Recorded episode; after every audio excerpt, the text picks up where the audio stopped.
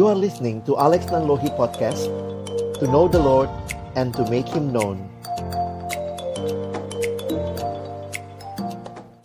Oke, pertanyaan selanjutnya apa dek? Ada yang nanya, kalau dikhianati, apakah kita harus meninggalkannya atau mempertahankannya, Bang?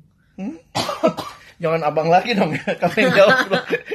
Gimana Ya kalau ini sih tergantung ya. Hmm. Kalau misalnya udah nikah mah, ya apa boleh buat kan?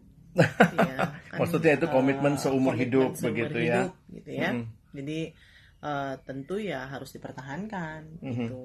Ya dengan terus mendoakan, terus Ada eh, pengampunan juga ya? Iya, gitu. Mhm. Emangnya Ah. kalau kalau pacaran? Ya kalau pacaran ya kalau dikhianati kalau udah tahu dia kayak begitu ngapain dipertahankan? Oh gitu ya? Nanti kalau misalnya udah nikah bisa lebih parah. Secara Oh. kan nikah cuma sekali seumur Tapi hidup. tapi apakah tidak ada pengampunan begitu? Ya mungkin juga tergantung kali ya.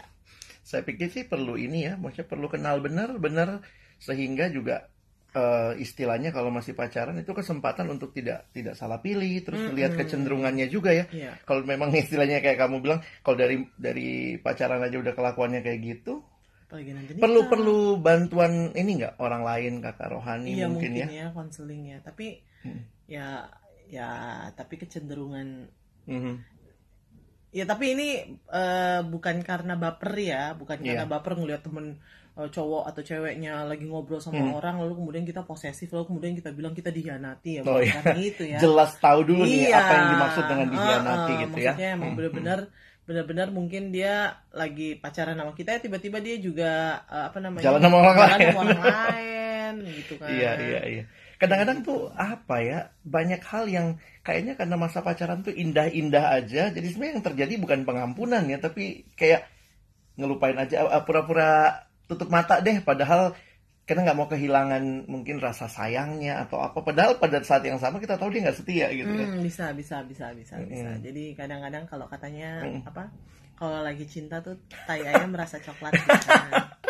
Itu Iya, jadi apa ya cinta membutakan. Tapi Iya. kita perlu berarti cinta yang melek ya. Iya dong. Iya, cinta yang melek, yang kenal benar. Termasuk juga kalau kita tahu, mungkin dari pacaran apakah dia bia- terbiasa berkata-kata Iya. kasar, Kasar.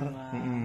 suka mukul apa enggak? Nah itu dia. Kan kalau Iya. katanya love heals not hurts katanya. Wah.